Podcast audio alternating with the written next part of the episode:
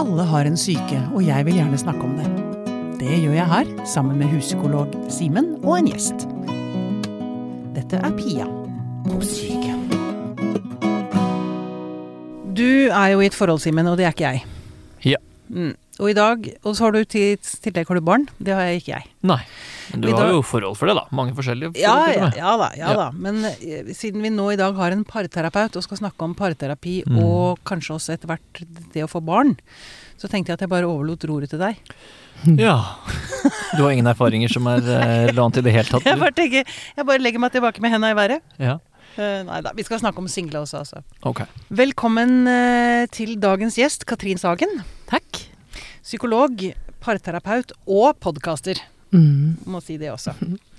Du, eh, og så skriver du eh, spalte i VG. Samlivsspalte i VG. Mm. Podkaster eh, Det var tidligere Kjærlighetspodden. Er den lagt ned? Nei, jeg tror at den ligger litt sånn eh, Hva skal vi si? Dvale, kanskje? Søvn? Ja, dyp søvn. Ja. Mm, men ikke sånn så dyp søvn. Vi ville gjerne vekke den opp. Den er ikke død. Nei, Nei. ikke død. Men den er foreløpig litt erstattet av Havarikommisjonen. Eh, på en måte. Egentlig ikke det. Jeg tror den er helt individuelt i dvale og venter på at vi skal At prinsen kommer og kysser og vekker. Ja. Eller Ja. noe sånt. Prinsessene. Okay. Men hvis jeg tolker beskrivelsen av de to pod poddene riktig, så handler jo Kjærlighetspodden om kjærlighet. Havarikommisjonen handler om når det går til helvete. Ja, på en, rett og slett. Sant? Ja. Som hvordan, hvor, hvorfor ble det sånn, og hvordan kunne man eventuelt gått annerledes, eller ja. I Ja. Havarikommisjonen. Ja. Riktig. Ok, eh, så jeg spør deg da, du som er samlivsekspert. eh, Klarer du å unngå de der eh, tradisjonelle fellene som andre par går i, siden du er liksom Eh, nei, Nei. jeg gjør går, jo ikke det. Jeg, går på trynet du òg? ja, Det er godt å høre. Mm.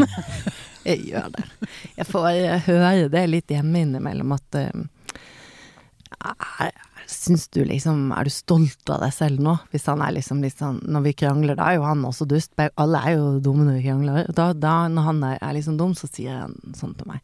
Er det sånn du hadde Hadde du sagt dette til folk som går til deg? Er det sånn tone du tenker er fint?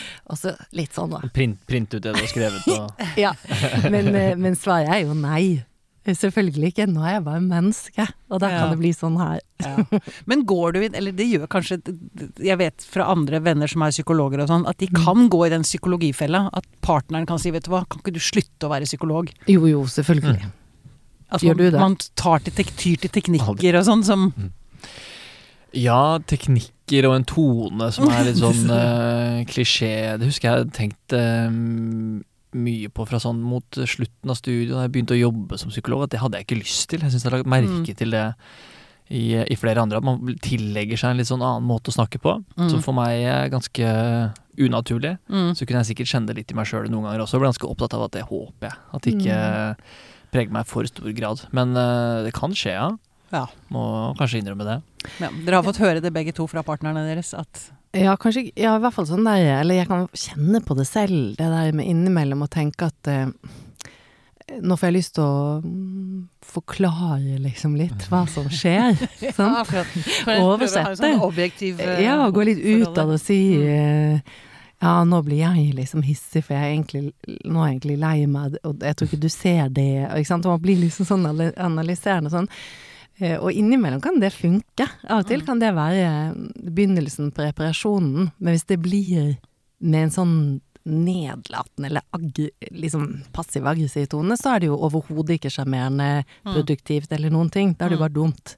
Mm. Ja. En hersketeknikk, nesten. Ja, nesten, liksom selv om det ikke Mm. kommer fra et herskete sted, så er det Mm. sikkert noe sånn oppfattes sånn. slags, ja, og et slags sånn desperat form for angrep, å bruke alt man har, liksom, eller et eller annet. Ja, det blir vel, kan vel brukes som et forsvar òg, vel? Hvis man- Helt klart. Distanserer seg litt. Ja, ja. Det er jo, Man in intellektualisering er jo et velkjent Ikke forsvar. sant, Det, Ikke sant? Mm. kanskje ja. Psykologifisering. Ja, sant. Ja. Ok. em, hvor lenge har du jobbet som parterapeut? Eh, snart snart tolv år. Ja, Du har mm. truffet ganske mange par. Mm. Hva er eh, det vanligste problemet folk sliter med? Eh, ensomhet, vil jeg si. Ensomhet i Mm. forholdet. Mm. Mm. Og hvordan eh, oppstår den ensomheten? det jeg tror det er mange veier inn til ensomhet, litt sånn ulike former for ensomhet også. Mm. Så det er jo både den, de parene som har sluttet å kommunisere, eller sluttet å prate sammen, eller sluttet å ta på hverandre, eller sluttet nesten å se hverandre. At man nærmest sånn lever sånn parallelt, ikke sant. Ja. Man går i Um, rutiner og går i ja. hverdager og Ja, forsvinner inn i det logistikk AS-et hvis man har um, mye aktivitet eller barn barn og masse greier som skjer. Og så er det en sånn annen eh, type ensomhet som er forårsaket av mer ja, men mer sånn tillitsbruddskarakter. At noen liksom oppfører seg dårlig mot den andre. ja. Altså sånn i form av at selvfølgelig utroskap og sånne ting, men også sånn tillitsbrudd i form av å ikke være respektfull, eller være til og med nedlatende, foraktfull eller sånn. Det blir man også veldig ensom og alene i, sant. Så det mm, Mm. Så Og, det er i- og i ulike faser av livet, og i endrende Mm. perioder uh, i livet. Et parforhold uh, varer jo ofte lenge, og går over ulike um, uh, ulike faser i livet hvor man er ute etter uh, kanskje like ting i starten, og så endrer man seg jo. Man vokser Mm. eh, Mm. sammen, og nye Mm. behov vokser til. Kanskje Mm. ikke helt i samme retning som partneren sitt, og da mm, er man jo nødt til å bli kjent med hverandre på nytt, da. mm. Mm. tenker jeg også kan være en, en grobunn for ensomhet, hvis det da to kurser peiler seg litt i forskjellig retning. Mm. Enig. Ja, og så er det vel også noe med, som du sier, man vokser i forskjellige retninger, og så må den ene kanskje jenke seg, og så må den ene jenke seg for mye, så man mister seg selv Mm. for å tilfredsstille den andre, og der Mm. blir man vel også, det er vel heller ikke noe særlig sunt. Nei, helt, eh, helt veldig gjenkjennelig det du snakker om der. Mm. Mm. Um, vil du si at det er det som tar knekken på kjærligheten? Ja, det er i hvert fall en av faktorene, vil jeg, vil jeg tro. Mm. Hvis man ikke klarer å få hull på det, eller ikke klarer å løse det, eller hente hverandre inn og på en måte gjenopprette kontakten. Mm. Eh, og så er det når det aller verste for paret er jo når man kommer til et sted hvor, hvor man mister troen på parforholdet. For hvis man ikke sant? Man kan være ganske ensom lenge, men tro på at vi har jo det noe i bunnen, og det er jo egentlig oss. Mm. Men idet man liksom mister håp slash tro, da ryker det liksom. Da Da rett før. Ja, da, det Ja. da, da begynner vi liksom virkelig på, på siste, siste rest av noe. Mm. ja. Hva tenker du er det viktigste for å reparere? Altså når, når du får par inn til deg, så ser du kanskje ganske fort om det er håp eller ikke for dem, eller? Ja, nei, egentlig ikke. Det skulle jeg ønske at det Men det gjør jeg nok ikke. I begynnelsen så tror jeg at Jeg tror det er en litt sånn som Eller sånn eh, Om ikke nybegynnerfelle, men, men kanskje litt sånn at jeg, at jeg husker at jeg tenkte å, her er det ikke noe skitt. Her nå, dette kjenner jeg liksom på meg i rommet, eller i håpløsheten, eller grad av smerte, eller sånn. Men det er ikke helt riktig. Eh, Det, Spådommen der blir liksom, slår jo ofte feil, så jeg har sluttet helt med det. Så, oh. Fordi at jeg har liksom lært meg til at, eh, at, at det er veldig vanskelig, egentlig, å få tak i om de kommer til å klare det eller ikke. Men litt ute i terapiforløpet, så begynner, man, begynner jeg å kjenne det litt mer. Ja. Og hva ser du da? Nei, da er det mer en følelse av at én eller begge ikke er med reparasjonsprosessen. Ja. Sant? Det er ikke som at Det kjennes som at noen driver med noe annet, og da er det jo ofte at en egentlig kanskje allerede er ute av parforholdet, og ønsker seg et annet sted, Mm. og er derfor å gjøre slutt, men har ikke klart å si det til partneren sin. Det er veldig Bruker, vanskelig å gjøre slutt. Bruker deg som en sånn eh, omvei?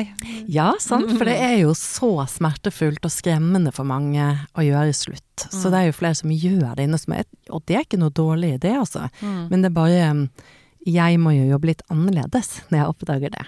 Sant? Ja. For da blir det jo jeg, jeg, jeg har jo ikke da lyst til å legge opp til sånn veldig selvavsløring eller veldig sårbare situasjoner hvor jeg liksom forventer at den andre skal ta imot, når jeg egentlig har en hunch på at den andre ikke vil komme til å ta imot. Det er ganske smertefullt. Sant? Men det må være ubehagelig for deg å vite. Altså du, du skjønner at den ene vil ut, og så skjønner du at den andre ikke forstår at Mhm. partneren vil ut. mm. Da blir det en veldig rar allianse. eh, Altså vanskelig for deg å navigere, tenker jeg. Ja, sant, det er jo på en måte det. Også, også, men jeg er jo ikke skada. Jeg syns jo det er spennende, da. Eller Ja, noe sånt.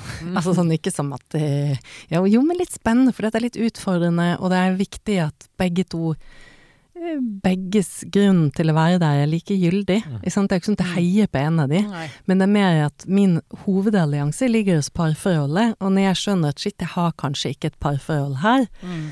da blir, det, da blir bevegelsen i alliansen litt annerledes, for da må jeg ivareta partene på en litt annen måte. Da er det ikke trygt i parforholdet, Mm. så da må jeg sørge for at den jeg lurer på om har noe å si, skal få lov til å eie det så lenge den trenger det, og få lov til å dele det når vedkommende er klar. Mm.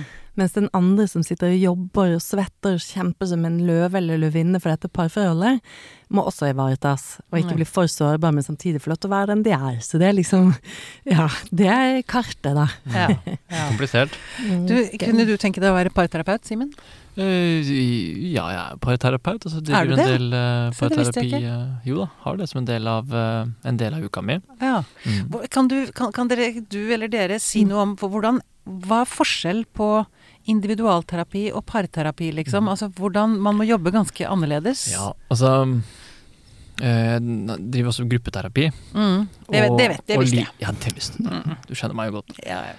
Um, og faktum i begge de formatene, altså gruppe og par, Mm. er jo at du ikke nødvendigvis bare jobber i retrospekt, som du gjør ofte i individualterapi. Ikke Ja. bare da, noen ganger er det så her og nå i Mm. rommet og sånne ting, men ofte så jobber du med hendelser som har skjedd, eller som du ser for deg kan komme til å skje. Det som er spennende både med gruppe og par, er jo at ting skjer her og nå, ja. i rommet. Mm. Å ja, nå syns jeg Nå klarte jeg ikke helt å lese ansiktet ditt når han sa det, så var Eller det hvorfor reagerte du sånn, Ja, var eller? Mm. det også og Kanskje kommer det fram en uenighet som de må prøve å enes om der i rommet. Da får du jo se strategiene de har, mønstrene som har fått lov å vokse ut mellom dem, Mm. der i eh, i realtid. ja. Og det gjør det til eh, noe ganske annet, da. Det, er, det, er, er en større nerve, da. Ja, det I er eh, parterapi enn det er i individualterapi, kanskje. Ja, disse tingene kan også skje i individualterapi. Altså, det er ikke helt sånn uh, vanntette skott der. fordi ofte så er det jo også en, et relasjonsarbeid til individualterapeuten, altså mellom oss to. Ja. Når vi er i terapi, kan også bli veldig intenst. Mm. Kanskje like intenst, men i, i parterapi så er det jo mye mer en, en hovedingrediens, da. Det er mye mer her Ja. i, i real time. Ja. Og ja, da kan det bli mye energi, mye følelser og veldig høy temperatur i rommet, så du skal vite hvordan å, å justere det, da. Når skal du tråkke på gassen, og når må du holde litt i bremsen Ja, ja, for å holde dette på et hensiktsmessig nivå. Ja, for jeg tenker det må være ganske skremmende hvis man har vært par da i 7, 14, 33 år. Man er veldig vant til hverandre, man kjenner hverandre, tror man. Men så dukker det opp, så blir man kanskje dere, Terapeuten går da på klingen, et, et eller annet mønster som man ikke er villig til å se selv. Altså, det må være ganske skremmende å avsløre seg selv for partneren sin. Er det riktig Ja, helt, helt klart. Én ting er å avsløre det for en fremmed, liksom. Men for partneren Ja, Mm. sånn så det, det er absolutt. Sant? Det, er kjempe, det er kjempevanskelig. Sant? Samtidig så er jo det nettopp parterapeutens sånn hovedoppgave å legge til rette for at man får på en måte utforsket dette, får tak i det selv og klarer å um, vise det til partneren sin i et tempo som føles ok. Så man ikke skal ikke presses inn i noe eller avsløres eller Jeg kan jo ofte tenke at å ja, ja, nettopp, ja. Nå ser jeg hm, Nå ser du vekk sånn. Ja, det, dette var vanskelig for deg, ikke sant? Mm, mm. Men da henger jeg meg ikke på gassen og liksom kommenterer på det, eller Ikke sant? Jeg, jeg, må, jo, jeg må jo følge vedkommendes um, puls, på en måte. Mm. Mm, Så, så man kan jo liksom, helt som du egentlig sa uh, i sted, si sånn hva, skjer, hva skjedde nå? Eller nå så jeg at du Ikke sant. Sånn kan man Mm. gjøre. Mm. Men hvis, hvis det da bare Nei, det var ikke noe. Så vet, da er vedkommende ikke helt klar, ikke sant. Så, da, Mm. så det er jo veldig mye sånn jeg kjenner på eh, Mm. og gasse akkurat nok innenfor et slags vindu av hva som tåles. Og så må du ha oversikt over selvfølgelig om du tror den andre kommer til å ta imot når, det, når man åpner seg. Mm. Men, men det er ikke så veldig farlig hvis, hvis den andre ikke tar imot. Da er det min oppgave å reparere det. Da er det noe i, som i parterapeutens eh, hva skal jeg si, verktøykasse heter jo 'catch the bullet', som betyr at den ene parten skyter av gårde, og så er det min oppgave bare voff, ta, Ta den kulen før den treffer. før den treffer. Mm. Eh, sant? Så man må jo være, være veldig på. Men jeg var veldig enig i hvordan du beskriver liksom det der med temperatur i, i rommet, og så det med med alliansen er jo litt spennende, sant. Fordi at når du har individualterapi, så, så er det på en måte Ja, det kommer jo an på litt hvilken retning du jobber etter, men da er det noe med, med båndet imellom oss mm. som gjelder, ikke sant. Den som sitter der, og psykologen. Mens i parterapi så, så skal jo alliansen mellom partene gjenopprettes. Ja. Så det er på en måte jeg, De skal jo ha trygghet hos meg, men jeg skal bygge det imellom de to i real time, som de sier, her og nå. Hjelpe de til å reparere gamle ting, være trygg på nye ting, og her og nå håndtere det. Men de er liksom ikke så avhengige av meg. Så jeg kan få lov til å lene meg liksom tilbake innimellom og slappe litt av. Og så lene meg inn igjen og bremse og oversette og sånn. Ja. Ja, så det er veldig sånn inn- og utarbeid. ja. Og bremse-gassarbeid, men det er nok all terapi, altså. Mhm, Absolutt. Ja. Mm, mm. Men um, du, du heier jo da på eh, paret. Par, Parforholdet. Det er det du liksom ivaretar. Hvor ofte ryker det? Innimellom så gjør det det. Jeg vet ikke hvor ofte, men jeg vil jo si at uh, det er mindre av det uh, enn at det går bra, liksom. Ja. Ja. Det er en høy, du har en su høy suksessrate. Ja, eller de, det er flere som henvender seg til meg som vil bli, kanskje Ja, heller. ja, For jeg syns jo det er suksessrate med brudd også, dersom det er det som skal det, være der. det tenkte jeg også på. Ja, Mm. for det, det er ikke alle par som skal være sammen. Sant? Så det, så Det det, er alle brudd som er tragedier. Nei, sant, eller kanskje for noen Ja, det er jo så vondt med Det er så vanskelig, for det vil liksom Det er alltid tap Nesten i hvert fall alltid tapere i brudd. Og Er en som taper? taper? ja, eller flere rundt, og det er ikke sant, familie som har knyttet seg, kanskje andres eh, En niese på den andre siden man har blitt glad i, som man plutselig mister kontakten med. Mm. Det er vennepar som plutselig mister et par som de er vant til å være sammen med. Sant? Så det er så komplisert. Mm. Men allikevel, til tross for alt dette, så er det jo noen som ikke har godt av å være sammen. Hvor begge eller én lider for mye til at det er forsvarlig egentlig at de skal være sammen. Så da, da syns jeg at suksessen ligger i å få til det bruddet på en så ok måte som mulig, i hvert fall. Ja. Sant? Og hvis de har barn, så er det litt Da er det en større oppgave, for da skal de tross alt beholde relasjonen sin for alltid. Så Mm. da er det noe med å se hva, hva kan vi beholde, hvordan kan vi beholde den relasjonen, Mm. og hvordan kan kjæresteparet deres få lov til å Hvordan kan vi begrave og gravpynte det paret deres, Ja, liksom. ja. Ja. Men er det sånn at du innimellom heier mer på den ene enn den andre? Er det sånn at du tenker 'å herregud, for en slitsom fyr'? Ja, innimellom gjør jeg det. skjønner godt at hun blir irritert. Jo, innimellom gjør jeg det. Sant? Og, da, og profesjonelt da, så går det jo rett og slett en eh, alarm inni meg. Ja. Fordi at eh, da er det, det er min oppgave å på en måte se det mennesket litt større enn det jeg kan bli provosert av. Sant? Mm. Så, men innimellom trigger jo noen meg. Treffer noen ting i livet mitt, eller noe jeg syns eh, er irriterende, eller jeg har blitt såret av noe lignende før, eller det kan være masse greier. Mm. Som liksom er litt sånn pjong innvendig, som må ryddes litt vekk, ikke sant. For det kan forstyrre meg. Så det kan jo skje. Og så er det det der med å prøve å se personen litt større, og se hva eh, Mitt kompass går jo da alltid etter smerte. Det høres jo litt voldsomt ut, men det er jo det jeg ser etter. Hvorfor er vedkommende sånn? Hva er dette en reaksjon på? Hva er det som gjør vondt her? Er det, som er, det er alltid logisk på en eller annen måte. Det er alltid en grunn til at vi driver med noe. Det er Mm. veldig få som bare driver med ting uten at det ligger for et sted. Mm. Og der ligger min Da er det lett å hekte seg på, få empati og sympati og bli glad i. Og så lenge man liksom gjør det som psykolog, så er, så er glad i Da blir man glad i alt, da. Da blir alt liksom sånn Da er det alltid noe som man kan hold, ville holde rundt, eller hjelpe, eller løfte, eller dytte frem, eller Ja. Det der er jo noe egentlig mange burde drive mer med, kanskje. Mhm. Og prøve å se det med empatiske briller, og ikke dømme så fælt.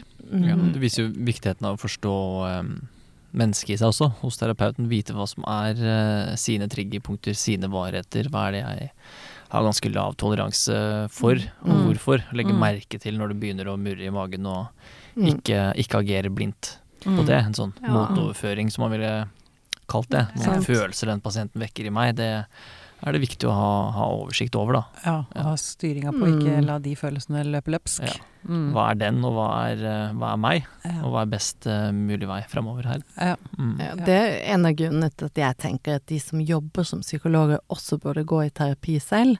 Eh, og ha, ha vært en runde og ryddet litt opp og lyst litt rundt i, nede i mørket og kjeller og loft og alt det der.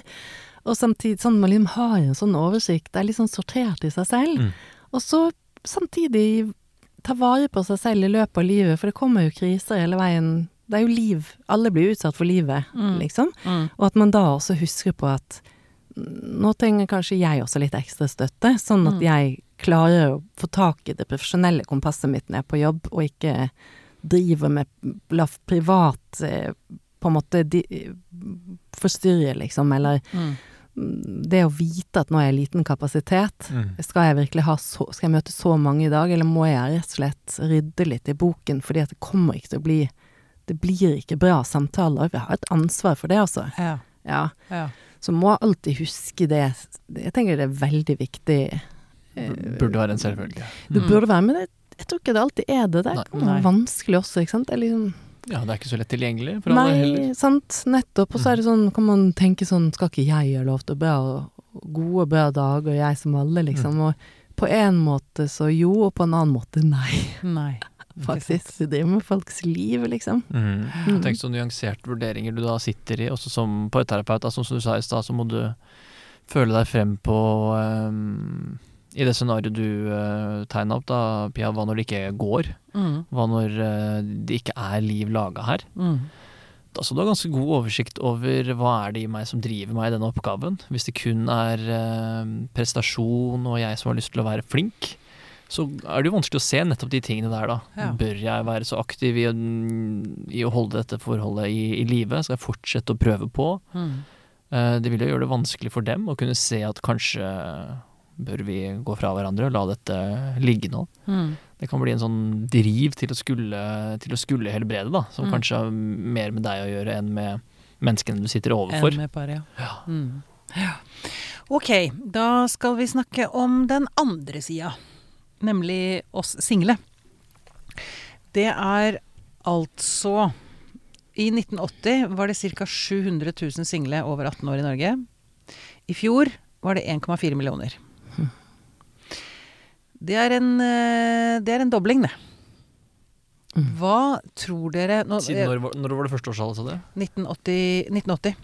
Så det har vært et øh, befolkningsvekst òg, da. Ja, Ja, Ja. Det har du, men det har gått fra jeg tror det er fra 24% til 33% ikke sant? Ja. Ja. Mm. Så det er jo ikke selvfølgelig en dobling. Det har du, det er, Sorry at det du er er sånn. god, du er intelligent, du. jeg Du er intelligent, holde igjen. Simen. Klarer ikke. Det er veldig bra. Men uansett, det er en, en sterk økning. Um, hva tror dere dette skyldes? Kan spørre, begynne med deg, Katrin. Begynne med meg. Ja. Nei, det, jeg tror at um, Ja, det blir jo som alle sånne sammensatt svar. Det er noe sammensatt svar. Sant? Og jeg tror kanskje at eh, i den statistikken der, så ligger det jo også noe som heter frivillig single. Sant? Mhm. Den tenker jeg nok um, har økt Um, Økt fordi at det har blitt mer em, akseptert på en måte å være singel. Ja. At det er også en måte å leve på. At ikke, det, at ikke idealet bare skal være liksom par og rekehus og hund og bil. Sånn som det var på 50-tallet, liksom. Ja, sånn Som det var eneste farbare veien, var Ja. å være gift, rett og slett. Mm. Spesielt for kvinner. Det gikk jo ikke eh, an en periode å leve alene. Mm. Sant? Og så ble det skamfullt å leve alene. Det har du liksom ikke fått det til. Og de der eh, fordommene, eller hva vi skal kalle det for, lever jo eh, ofte mye lenger enn vi ønsker at de skal leve. Mm. Sant? Så vi sier at ting er vekke, eller vi sier at nå, nå, er- nå er ja, men homofili eh, akseptert, og så er det utrolig mye grums der likevel. Det er ikke akseptert Mm. allikevel. Ikke Det er en hel generasjon som har vokst opp med det, hvor det fortsatt sitter i. Ja, mm. sant? så det at vi bruker lang tid på, på en måte å, å fjerne oss fra sånne holdninger eller stereotypier, eller hva vi skal kalle det for. Så, så jeg tror at kanskje vi nå begynner å bli sånn på ekte akseptere at det å leve uten en partner er likeverdig, Mm. fint, og en valgt form for flere. Så kanskje noen eh, i denne kategorien hører til der, faktisk. Det tror jeg nok. Absolutt. Ja. Mm.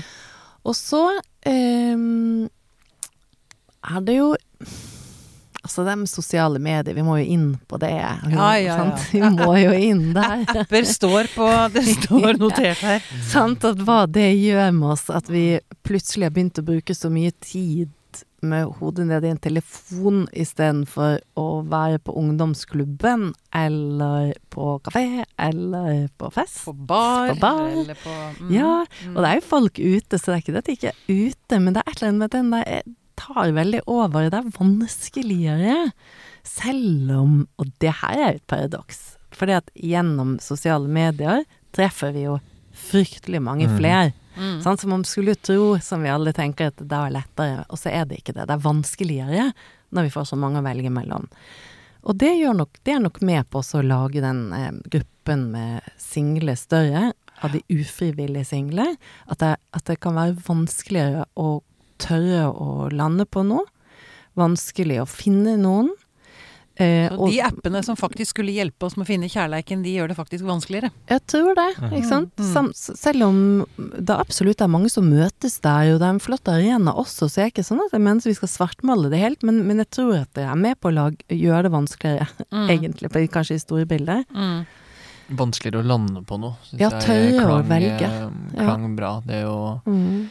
Sette seg ned og definere oss to som at nå er det oss, det er min erfaring at blir mer og mer og mer eh, høy terskel og skummelt å gjøre. Det er som Ja. at, du, at kjæresteskap har blitt den nye forlovelsen omtrent. Når du først, har, Mm. når du først definerer oss som det, da er det altså så seriøst. Mm. Ja. At uh, da er det oss to for livet Ja, omtrent. blir skummelt og Ja. Ja.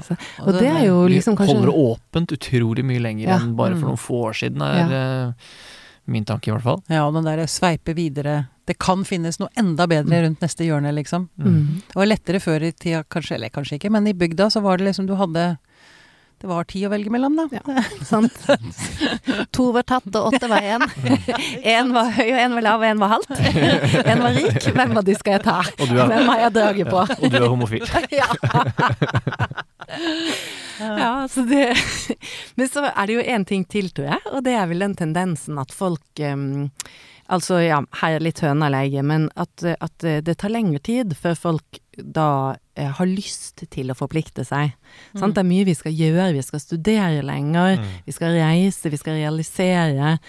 Eh, Sant? Det veldig, så det tar litt Folk um, er på en måte yngre litt lenger, sant? Mm. Um, og i, i den utviklingen, at vi er yngre lengre, så betyr det jo at plutselig så får man litt sånn panikk. Mange får litt panikk på et visst tidspunkt, tidspunkt. Kanskje spesielt hvis man ønsker seg barn og er kvinne, så er det jo faktisk en klokke som gjør det vanskeligere. Mm. Og da er vi jo ikke spesielt gode til å finne partnere heller. For da, når vi har panikk, så ser vi ikke så bra, og vi Nei. hører ikke, og vi tar rare avgjørelser. Mm. Og det blir ofte, ja, men kanskje litt sånne par som ikke varer så lenge. Fordi at man liksom haster seg litt inn i det. Og så blir det slutt, så er man på singelkvoten igjen, eller denne gruppen Mm. igjen, sant. Så det, at, Mm.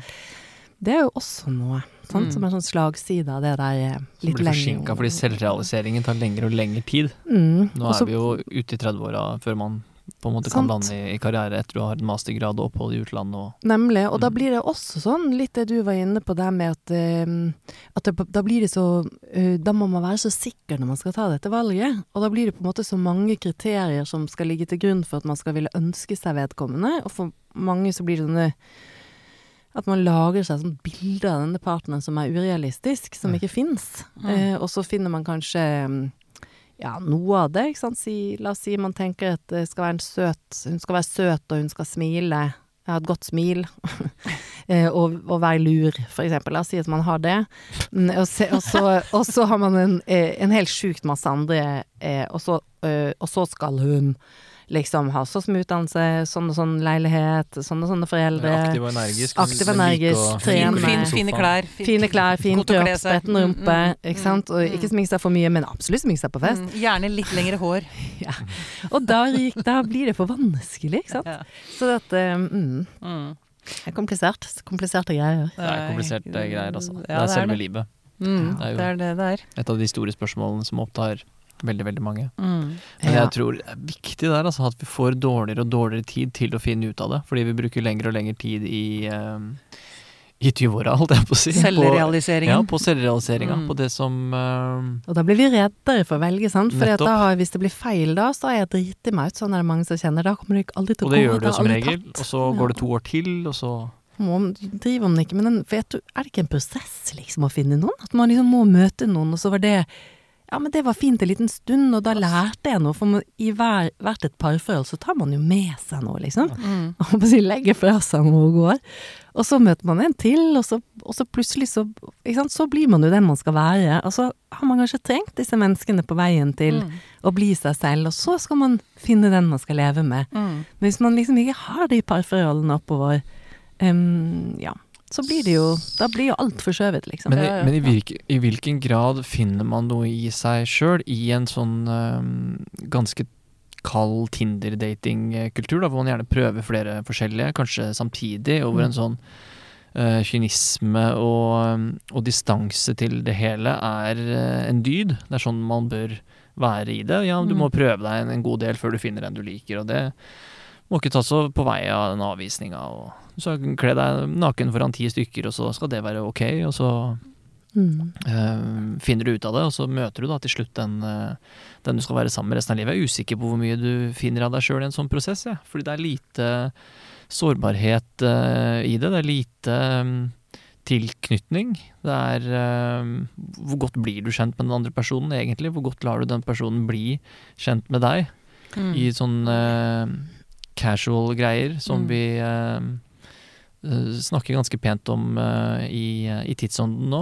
Mm. Jeg tror ikke, tror ikke nødvendigvis det er en prosess som går av seg sjøl. Nei, jeg, tror, Nei. jeg er helt enig med deg, og jeg tenker det er selve tapet, liksom, mot det å, å ha parforhold som på en måte er litt, litt mer varighet enn en, en kaffekopp, liksom. Sant? Mm. Mm. Ja, alle Ja. Men det er vel det at man ikke er villig til å investere den tiden det tar da, for å finne Mm. ut, fordi man tenker at det ligger kanskje en bedre rundt Mm. neste sving, liksom. Ja. Altså at, at man Tror du det preger deg, da? Jeg tror jeg du blir tykkhuda. Eh, Det, ja, og, og, og ja, det ble et Tykkhuda er noe Det kan jo være en god ting, men jeg tror du blir litt avstumpa. Ja, det er egentlig det jeg tror vi snakker om akkurat det Ja, samme. Det samme. Ja. Mm. Mm. Og da eh, blir det jo vanskelig å komme, komme inn på det til slutt. Da. Ja, ja. Og så er det jo dette skremmende som man også leser, at um, single eller ugifte lever vesentlig kortere. Mm. Spesielt kvinner. Mm. Det, det er sånn derre Mm. Det er ikke så gøy statistikk. Nei, det er ikke noe gøy. Men jeg, jeg, jeg tror ikke de helt vet hvorfor. Nei, sant. Det er noe økonomisk, økonomisk trygghet, og og det Mm. er vel kanskje noe med ensomhet å gjøre. Jeg vet jo at ensomhet er også noe av det farligste. Mm. Sant, så det, kom, sant, det tror jeg du har rett i. Sant? Det er jo Mm. det med ensomhet, og hvis man tenker liksom tilknytningen, den tilhørigheten, det at vi har behov for det, vår At mennesker har så behov for de der um, Å til, tilhøre noe. Mm, mm. Sant? Høre til.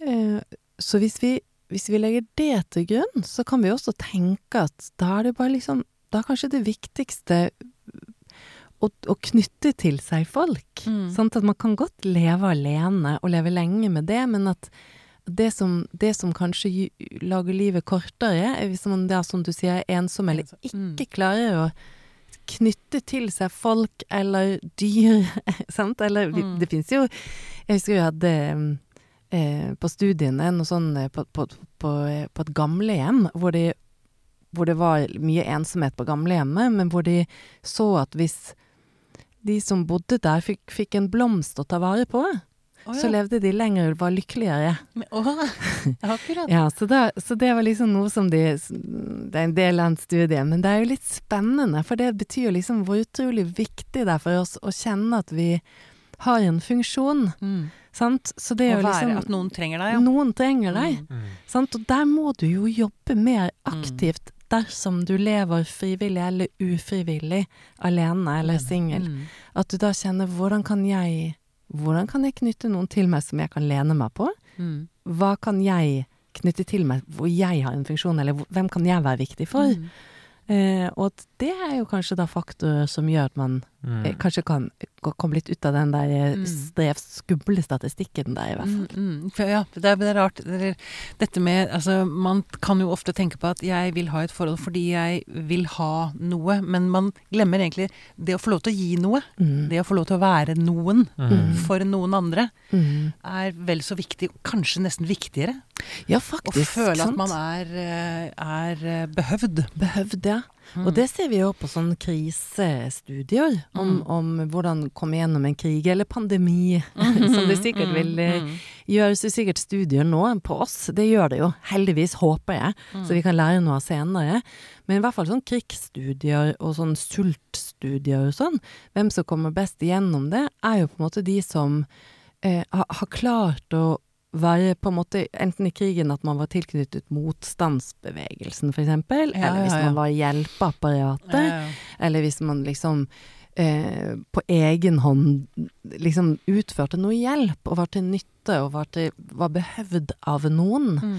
Det eh, får på en måte traumeopplevelsen ned, Mm. og eh, så kommer man bedre ut av det. Sant? Så det å, å, å tenke sånn i livet, bruke det til noe kanskje i livet, Mm. og kjenne nettopp at det er viktig å, ja, som du sier, å gi. Mm. Sant? Det Mm. faktisk gjøres godt. Ja. Og for å komme gjennom vanskelige perioder, at det da også er viktig å tenke litt sånn, å være litt sånn proaktiv i livet. Mm. For det er det som skjer hvis man lener seg veldig bakpå. Mm. Så for, blir det en sånn mer håpløshetsfølelse som er veldig usunt for oss. For det kjennes som at alt bare skjer meg, og jeg kan ikke gjøre noe. Mm. Sant? Så hvis man Bitterhet Ja, å vokse sant. frem. Da blir det jo det, og en enorm sånn følelse av at hjelpeløshet, på en måte. Mm. sant, som er kjempesmertefull.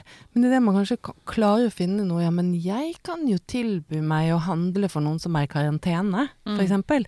Så er man liksom med på å bekjempe det vanskelige. Ja. Og det er sunn, veldig sunt for oss, da. Ja. Får håpe at eh, den Det tar jo lang tid å lage eh, sånn statistikk. Så vi får håpe at det kanskje representerer en tid hvor eh, det meste av sosialt eh, samvær, og særlig for eldre, da ble definert ut av eh, et ekteskap eller familiesystemet. At det kanskje har vi klart å åpne opp litt mer i de eh, i de områdene som dere snakker om, med, med venner, med nettverk, Ja, eh, med nettverk rundt som ikke er så eh, konservative lenger. Mm. At vi kan se litt uh, nytt og har en bedre forståelse av Mm. ensomhet og, og bekostningen av det. sant? Ja, og så tenker jeg det som begynner å vokse frem, uh, er jo, som jeg skulle gjerne sett mer av, det er altså kollektiver. Mm. Altså voksne mennesker som bor sammen, som deler felles arealer, eh, men som bor alene. Altså, oh, så vet- I! Sverige vet Ja, jeg det de har kommet driver med det. De driver mer, mer med det. Yes. Unnskyld, nå avbrøt jeg. Nei, er nei, nei, nei på det det. jeg kjør på. Sverige har vært gode på kollektiv alltid. eh, Ja, til sammen. Til sammen, ja. det var det. Vi vil tilbake til til sammen. ja. Eller lage en oppfølger hvor det er de samme, hvor det er de samme folka som har blitt gamle. 30 år senere. Ja, som aldri flytta ut. Ja, det er veldig gøy. Ja, men, det er, de, men de driver jo også sånn halvkollektiver, holdt jeg på å si. Sånn bygårdskollektiv. ja, ja, ja, ja. Sant? Hvor, det er, hvor, hvor de bor i um, Mm. Det sier seg selv hva det er, Tenk å forklare hva det er. Nei. Men, det, men det er jo også noe sånn fint. Da blir det liksom en hel landsby Landsbyfølelsen. Og da går vi liksom tilbake. Det er, jeg synes det er noe veldig, veldig fint over det der, som, som jeg skulle ønske det var mer, mer av. Enig! Men det, men det jeg har gamlehjemmet veldig nede i trua på det. gata, nede i gata her eh, Sofienberghjemmet? eh, Ja, er det ikke de som eh, starta Beer Garden, som det ble litt snakk om for noen år siden? Oh, Som har ølservering og bar eh, Ja. For, de som, eh, for de som bor der. Ja. Er det et gamle, det gamlehjemmet? Mm. Ja, Mm. det er riktig. Ja. Det har jeg også hørt om. Det er jo veldig fint, for hvorfor skal, ikke, hvorfor skal man ikke ha lyst på et glass vin eh, når man har bikket eh, 80? 80? Tvert imot. Eller tvert imot. Ja. Da er det jo bare å kjøre på med kokain og hva det skal være. Da jeg trenger ikke å være redd Alt etter skinnsmak. Ja, ja, for du, det minner meg også på jeg, jeg hørte Jeg var på sånn Pecha Kucha for et par år siden med hun som var daglig leder på Jeg tror det var Manglerudhjemmet. Mm. Hun var veldig idealistisk. Hun gikk inn og kastet ut alle de institusjonsmøblene. Henta inn gratismøbler på Finns, laget sofagrupper. Laget butikk. Mm. Og involverte de gamle demente i å være med å lage mat. De kunne gå i butikken, altså de hadde bare tullepenger, men de kunne gå i butikken og velge. sant, Kjøpe sjokolade, være med å handle inn til middagen, kutte poteter, gulrøtter, liksom. Og pluss at de hadde bar. Da blir de friskere heller. Du, vet du hva? Over hele linja. Mm. Det ble redus markant reduksjon i medisineringen av de gamle. Mm. De holdt seg friskere. Eh, sykefraværet blant de ansatte gikk ned. Mm. Altså Det var bare så utrolig mange gode sider ved det. Hvorfor gjør ikke Nei. alle det? blir så oppgitt. Hvorfor fanges det ikke opp? Hvorfor gjør vi det ikke bare sånn? Det virker ganske åpenbart. Eh, Det er superlogisk. Mm. Superlogisk. Og så kan de få en blomst i tillegg som de kan vanne og Som drive kan med. Som, passe på, som de som er eier. Som, kjempekoselig. Ja. Nei. Ah. Alle må høre denne episoden og høre på deg. Sånn må det bli. Og så må de vi lage kollektiv for enten om man er singel, eller man er alene med barn, eller Ja, ja, alt det der. Ikke sant? Det er bra for mannen min at det ikke finnes så mye, for jeg hadde øh, Det syns jeg er forlokkende.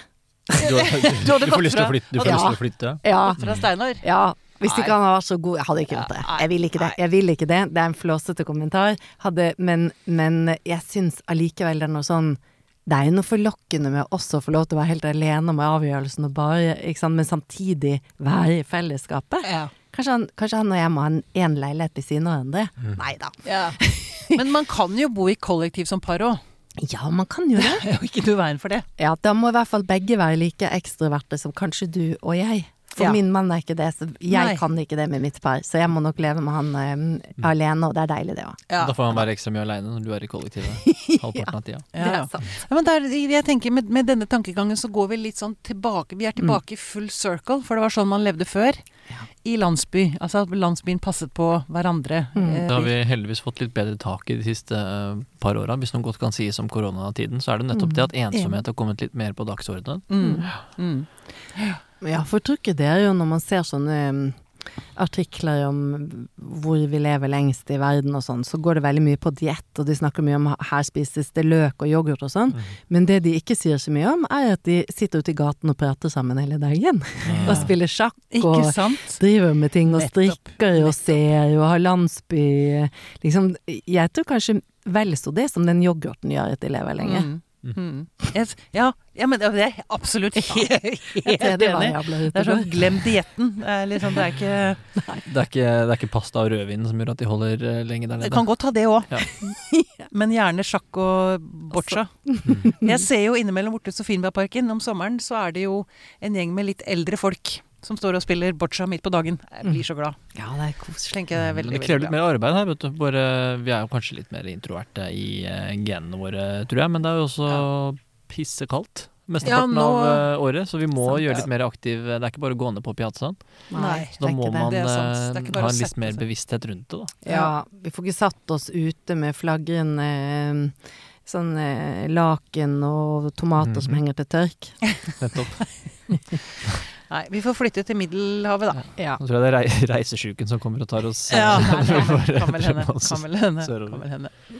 Du, em, Katrin, du har jo også Det er to bøker jeg har lyst til å snakke om. Mm Den ene, den ene er Jeg må begynne med den. Mm. Uh, så avslutter vi med et smell med din bok. Um, er Klara klok? ja. Veldig, veldig morsom bok i det. Hva skjer når dagens fremste samlivsrådgivere får i oppgave å svare på spørsmål om sex og samliv fra 1950? Var Klara egentlig klok? Mm. Mhm. Var hun det? Ja, jeg syns jo det, og ikke, liksom. Hun var liksom ganske varierende Hun var litt sprikende, kan du si. Vil jeg det er et fantastisk utsagn om at møt mannen din med et blitt oppsyn. Det er mye. Ja, det er ikke send- godt- ikke det er vel et godt råd, er det ikke Ja. det? Det minner meg på, minner meg på Dette vet jeg Det er mulig jeg skal klippe vekk dette etterpå, men jeg må bare jeg komme på det nå. Det var eh, Are og Odin. Jeg tror det var en av dem som sa Når skal kvinnfolk skjønne at når jeg kommer hjem fra jobb, skal, skal stå på kne med åpen munn og en gin tonic i hånda? Aldri! Det er dagens eh, Klara Kloke det er tilsvarende råd.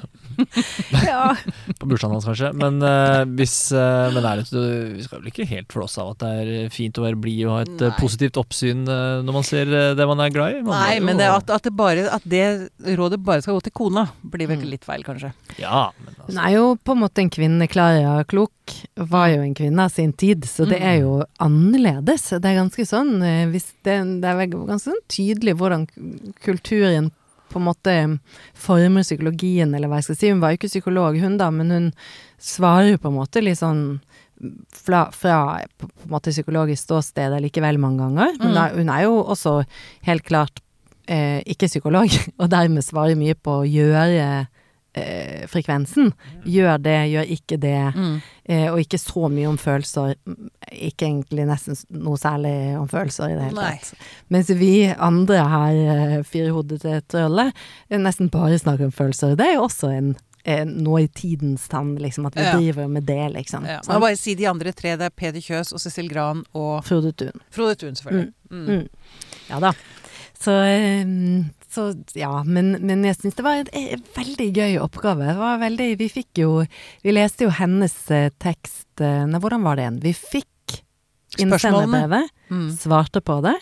Eh, så fikk jeg se hennes svar, og så Ja. kommenterte jeg på forskjellene mellom henne og meg. Eller hva, hva det Ja. i meg, eller Ja. noe sånt. Hva var det råeste hun hadde skrevet? Det, det mest sjokkerende? Ja, hva var det mest sjokkerende? Eh, altså, jeg husker Eller morsomste, ikke. eller tristeste? Ja, nei, det er jo liksom Men det er jo den der eh, hold, på en måte Hold munn og vær blid-aktige greiene som hun, hun driver en del med. Mm. Som er litt sånn rart, eh, litt annerledes, og eh, eh, at du må tåle litt mer enn vi tenker du skal tåle i dag. Ikke Mm. sant? Mye sånn når det liksom er utroskap, så bare Ta dem sammen! Ja. Finn et strikketøy og la det gå! Ja. Eh, hvem er du som tror at du kan få så mange andre? Ikke Ja. sant? Litt sånn. Litt Mm. sånn tone Mm. har hun jo, ikke Mm, sant? mm. Men jeg har jo eh, sett i etterkant, så ble jeg selvfølgelig etter det bokprosjektet veldig opptatt av henne som, som klar og klok. Ja. Og, sånn, og da har jeg jo også skjønt at hun var jo ganske Gjør mye grundigere jobb enn det vi gjør i dag, når vi får For vi får jo som oftest eh, regner med at Peder og Frode gjør det liksom Sissel og meg, at vi, at vi får et innsenderbrev, og så ser vi på det og redigerer det litt, eh, hvis det er liksom så ikke det skal bli utleverende eller det skal Mm. anonymiseres ordentlig. Og så svarer vi på det. Mens hun hun sendte håndskrevne brev i tillegg til alle, hvor det var mer utdypende. Eh, hvor liksom Nå skal de høre. Og så skrev hun liksom litt mer hva hun tenkte. Ja. For det var ikke plass til det i spalten. For det er jo det vonde med å skrive spalter, at det, må, det er alltid for liten plass. ja. Sant? Så det blir eh, Så det kan kjennes vanskelig å svare, for man har lyst til å si mye mer. Men det Mm. gjorde hun. Ja. Og av og til så dro hun hjem til de òg. Fordi at hun tenkte at her trengs det sterkere. Men den gangen var det kanskje ikke så lett å finne seg en samlivsterapeut. Nei, det kan jo være, ikke sant. At det var litt sånn. det da, den gang? Det Nei, jeg vet sikkert det gjorde det vel aldeles ikke. Det var vel presten kanskje, da, eller Klar og Klok. Det var de to man hadde. Mm. Det er jo litt stilig at hun gjorde det. Ja, veldig kult. Sant? Og da sa hun ikke hvem hun var, hun sa at hun var sekretæren til Klara Klok. Så hvis de, ja, så sa hun vi har snakket med Klara Klok, og hun sier, og for hun vil være helt anonym. Og så hvis de sa ja, men hva tenker du, har de en telefon? Eh, Og så hadde, gikk hun ut i gangen, og så ringte hun bare til noen slektninger og slo en liten prat, og sa 'Klara sier'. det er så søtt. Det er så Det er koselig. Ja, det er veldig koselig. Det er veldig bra. Ja. Eh, Det er gøy å trekke noen paralleller tilbake til gamle dager og se. For det var Det fantes Det var en klokskap der også, Ja, absolutt. som dere mener er gått litt tapt. Masse, ja det var masse, det var masse fint der, og det var mye som vi også tenker er veldig likt. Altså sånn overraskende likt. Mm. Sant? Og så er det ganske forståelig òg, for de strevde jo med på en måte akkurat det samme som vi gjør i dag. Så å si alle spaltene som innsender brevene har vi i dag også. Det er ikke noe spesielt forskjell Mm. på de. Det var den samme tematikken der. Ensomhet, det var usikkerhet, det eh, Holder jeg på å bli forlatt? Er jeg bedratt? Eh, jeg er ensom. Mm. Sant. Ehm, og så var det jo litt sånn, jeg har gjort en kvinne gravid, hva skal jeg gjøre når jeg ikke Mm. tiltrekker seg henne og sånn. Den får vi ikke i dag. Men, men Så det er litt sånn for tiden, da. Ja. ja. Ok, og så da til din bok som er ute i handelen i disse dager. Ja. Fra ligging til legging. ja. Og her kommer det også gode råd kanskje til deg, Simen. Som småbarnsfar. Jeg vet, det vet jeg ikke. Jeg, igjen, jeg har jo ikke vært gjennom dette, så jeg vet jo ikke. Men denne boka, så vidt jeg forstår, handler om utfordringer et par kan komme opp i når barna gjør sin inntreden. For da skjer det ting med et forhold. Mm. Det er nok mer Det skjer vel mer kanskje enn man er f egentlig skjønner, før man Ja, er der? jeg tror det.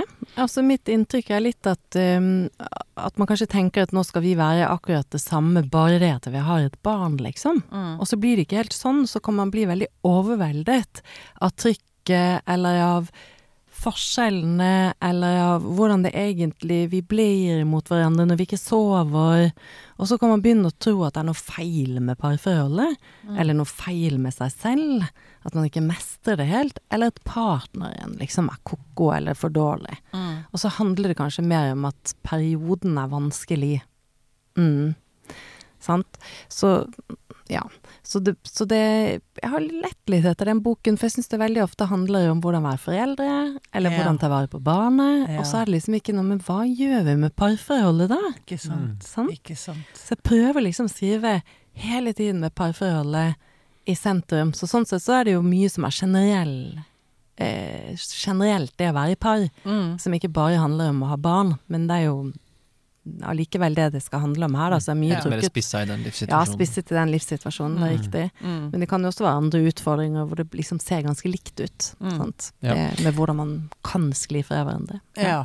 Men og fordi den, når tittelen er 'Fra ligging til legging', det du vel insinuerer der, er at sexen fort ryker. Mm. Eller at den, den blir erstattet av å legge barnet Ja. istedenfor å ligge sammen. Istedenfor å ligge sammen. Sant, Og nettopp. da, det, det kan jo være litt skummelt for et parforhold. Mm. Hvis den nærheten Sant? Det, som man og- har vært vant til å ha. Helt klart. Og, og sex er jo noe som de fleste mm, De fleste syns jo at det er gøy å lese samlivsspalter som handler om sex, eller og liksom Det er tema som vil tiltrekkes. Og, og som vi også ser ganske mye rundt oss i kulturen, popkulturelle sammenhenger, men som vi ikke er så gode til å snakke om. Vi er ikke så gode til å snakke om liksom det personlige i sexen. Eh, det er sjeldent par kommer til meg og, i parterapi og kommer med det som en bestilling, kanskje som en sånn, litt sånn vag bestilling. Mm. Sier ja, ja, så er det jo dette med litt, litt med sexlivet, det kan vi jo også ta etter hvert. Ja. Og så blir det liksom Men det liksom er ikke det som er fokus, det er ikke hoved... eh, Nei. Jeg har også blitt overrasket over det, hvor, uh, hvor- hvor sjelden det trekkes, uh, trekkes frem uh, tidlig. Jeg har en sånn idé om at um, vi er blitt så in Det er så viktig å være intellektuell at det, det seksuelle er liksom Det er litt sånn Jeg vet ikke, det er litt glemt, liksom. Altså Og vi tør ikke, er det ikke? Jeg vet ikke. Kanskje det er det der? Ja, jeg opplever det vekk. Ja. hos unge jenter Jeg hadde en samtale med et par unge jenter her for noen dager siden. Og det, det er liksom så opp, De er så opptatt av å være feminister og ha sterke meninger Mm. og bli anerkjent for sinnet sitt, for intelligensen og sånn. Mm. tenker jeg, Men dere er dyr òg, liksom. Ja, det har Altså, bikket litt over, noe- kanskje. Vi har mistet, kastet ut i badevannet, holdt jeg på å si. Ikke sant? Det er, det er Mm. ikke noe gærent at en mann ser på deg med begjær i blikket. Det gjør, de reduserer deg ikke. Ikke det. Jeg, jeg tenker jo heller ikke det. sant? Og, og inne i et parforhold så, så lengter vi etter det. Det er jo en av søylene, holdt jeg på å si, som parforholdet hviler på, er jo det at det å, å bli begjært eller være ønsket og kjenne at den andre har lyst til å like meg, vil være med meg. sant? Mm, Så, så, det er jo, så derfor så syns jeg det er viktig å skrive en del om det. fordi jeg vet jo at par, selv om de ikke kommer med det i bestillingen sin, så kommer vi ganske raskt frem til at det er vanskeligheter der likevel. Ja. Det er forskjellige behov. Um, det er vanskelig med å avvise hverandre, det lander dårlig, Mm. man føler seg ikke begjært av den andre, den ene føler seg utilstrekkelig, har ikke noe å gi og sånne ting. Så det er sånne tema som er veldig viktig. Ja. Og som, som, eh, som det skjer litt sånn kluss i ofte etter man har fått barn. Den veien tilbake til oss igjen, fra legging til ligging, som på en måte er innholdet i boka på en måte Mm, også, sant. Ja. Den bevegelsen der. Så, så selv om par kommer mange år etterpå, så ser jeg jo at mye av det som de tar opp som er vanskelig, skjedde mellom graviditet og de to første årene med barn. Og det er det jeg vil prøve å åpne litt, at de mens de lever det, kanskje kan forhindre en del av det der, eller bare skjønne at det skjer. Sånn Det skjer ting det i de årene der Ja, som man sår. drar med seg videre. Ja, som senere ligger som sånne bomber, så smeller det, Som, så er det for, for det, det må du Nei, det er, det er nok utdype litt? Ja, jeg tenker at det, det er mye den følelsen av å være um, på en eller annen måte sviktet i denne fasen. Sant? Ja. Om det er at du så meg ikke, du kom ikke det, jeg trengte deg. Eh, du skjønte ikke hvor tungt det var for meg, denne fasen. Det er mye sånn det var begge, begge parter. Den som har født, og den andre. Ja. Sant? Det å stå ved siden av og lengte, ikke, ikke liksom føle at parforholdet er ikke på agendaen din, det er bare barnet som er på agendaen din, nei, jeg er Mm. viktig for deg. Mm. Sant? Eller være den som har født og kjenne at hvordan, hvordan kan du be meg om å komme og ta og rydde liksom på badet når det hele kroppen er revna, jeg nesten ikke kan liksom puste for jeg er så trøtt. Mm. Sant? Og, og så er det jo ikke noe ment som at man ikke skal se den andre, men det, det, er, så, er så, det, er, så, det er så overveldende Vi er overveldet denne perioden Ja. av oppgaver og press. Mm. Tilbake på jobb, tilbake til kropp, tilbake, tilbake, tilbake. Sant? Så, så Det, det, det er også en illusjon at det er et liv å dra tilbake til, fordi Ja, livet er jo endra for godt. Dette barnet skal jo ingen steder. Så dette kan jo eh, forløpe til, eh, til evig tid. sant? Mm. Nettopp. Så det er jo ikke noe bare å, å holde ut et år og så uh, gå tilbake til sånn som det var heller. Det må, det må finnes opp på nytt. Uh, syklusene og rytmen og, Mm.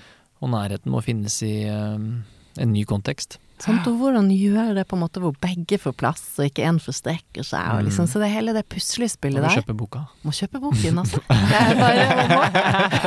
Og så er det jo litt gøy Vi har jo laget en liten twist her, som jeg i hvert fall setter pris på. Som er at eh, boken Jeg har skrevet på en måte mesteparten av bokteksten. Mens så har mannen min, som da også er komiker, eh, et eget kapittel tilhørende hvert kapittel, et skråblikk på kapittelet. Hvor han skriver på sin måte. Og fra Tore. sin, fra manneperspektivet. Ja, både som mann og som eh, spesifikt eh, gift med meg innimellom. Men også sånn fra, fra folk fra grasrota, som man sier, ikke psykologen-aktig. så det Ah, er litt sånn sant. forskjellig han blander inn der, da. Men, Ja. eh, ja, så det er også litt, litt eh, Ja, men kanskje litt eh, annerledes, eller sånn å få ha litt sånn For det er jo vanskelig når man Liksom hvis vi tenker på den når vi er små barn i hvert fall, så sover vi jo ganske lite, og det er vanskelig å lese en hel bok, og man er ikke helt motivert for å lese heller.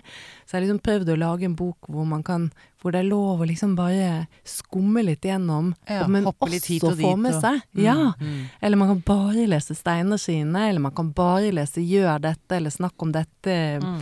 eh, liksom, eller ja. Så, så det skal være en bok som ikke er så strevsom, men samtidig måtte skru ned vanskelighetsgraden litt i den, eh, i den fasen. Ja, på en måte. I hvert fall les, skru opp lesbarheten Ja. uten å fjerne innholdet. Høres veldig lurt. Ja, så jeg håper jeg, det, det, det er det jeg siktet etter, da. Så Ja. får vi se hvordan, hva Så folk syns. Mm. Spennende. Høres ut som, uh, høres ut som en bestselger, det der. For småbarns, småbarnsforeldre. Jeg håper det. Ja, det er veldig bra. Det er veldig bra. Er det noe dere har lyst til å føye til? Vi har jo snakket om ganske mye forskjellig i denne timen. Men um, er det noe som, har, som dere har lyst til å understreke, eller Annet enn å kjøpe boka, selvfølgelig. og det var jo så mye gøy vi snakket om, og jeg, jeg sitter bare kjent på at jeg har snakket hele tiden, at jeg ikke ga noe plass til dere. Men sånn, sånn får jeg alltid er, etterpå. det er gjestens oppgave, det. Mm. Ok, da. Ja ja. Nei. Nei, det er sånn det skal være. Ja, ok. Jeg tørsta innom, uh, innom mye spennende. Ikke noe jeg føler jeg sitter og brenner inne med, som ikke ville vært å åpne opp noe helt nytt. Nei. Mm. Men eh, jeg var vel lyst til å Jeg tror jeg avbrøt deg, Simen. Med Dette med at par ikke tar opp sex i eh, parterapien. Jeg lurer Ja. på om du begynte å si Mm. noe der som jeg avbrøt. Eh, Nei, jeg hoppa vel egentlig bare på den, eh, den tanken som Katrin uh, sa først, at det, det overrasket meg uh, nok, etter hvert som jeg hadde hatt noen parterapier hvor uh, det sitter langt inne Mm. å ta det opp, altså. Ja. Jeg vet ikke hvor, hvor norskt det er, eller om det er en sånn grunnleggende skummel og intim greie som krever litt tid før man kan komme Mm. inn på. Kanskje man trenger noen direkte spørsmål, så det kan letne litt. Mm. Sant, litt sånn invitasjon Ja, inn til det, det, for de trenger jo å snakke om det. Ja, sant. sant. For det er vi, vi må snakke om det innimellom, selv om begjæret lever jo liksom sitt eget liv og er jo en sånn vill kraft, på en måte, men samtidig så kan vi jo snakke om det seksuelle uten å liksom bare snakke om begjæret. Liksom, vi ødelegger ikke begjæret ved å snakke om hva vi lengter etter, eller hvor vondt det gjør når vi føler oss avvist og sånn. Nei, Det- det kan, må vi kunne snakke det kan være så lærerikt også, å forstå dynamikken i parforholdet ved, Mm. å, ved å drøfte sexlivet. Da. Mm. Mm. Du må tørre, tørre å være litt i det òg. Vi må tørre å være litt i Snakk om eh, Det er råd da fra eh, psykologene her i studio. Snakk om sex. Jepp. Det er det, vi, det, er det, vi, det er det vi oppsummerer denne episoden med.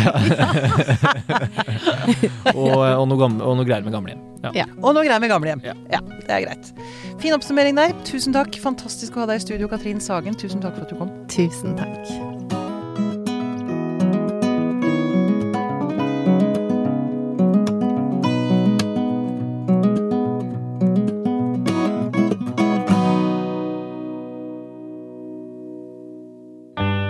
Denne podkasten er produsert av Tid og List. Med støtte fra stiftelsen Kåre Berg. Et godt råd fra Apotek 1. Nå er snart pollensesongen i gang, og et godt råd til deg som sliter med pollenallergi, er å begynne behandlingen i god tid før allergisesongen starter. Da får du nemlig enda bedre effekt av legemidlene, og så blir ikke våren din helt ødelagt. Kom innom og få råd på ditt nærmeste Apotek 1, eller chat med oss på apotek1.no. Apotek 1 vår kunnskap, din trygghet.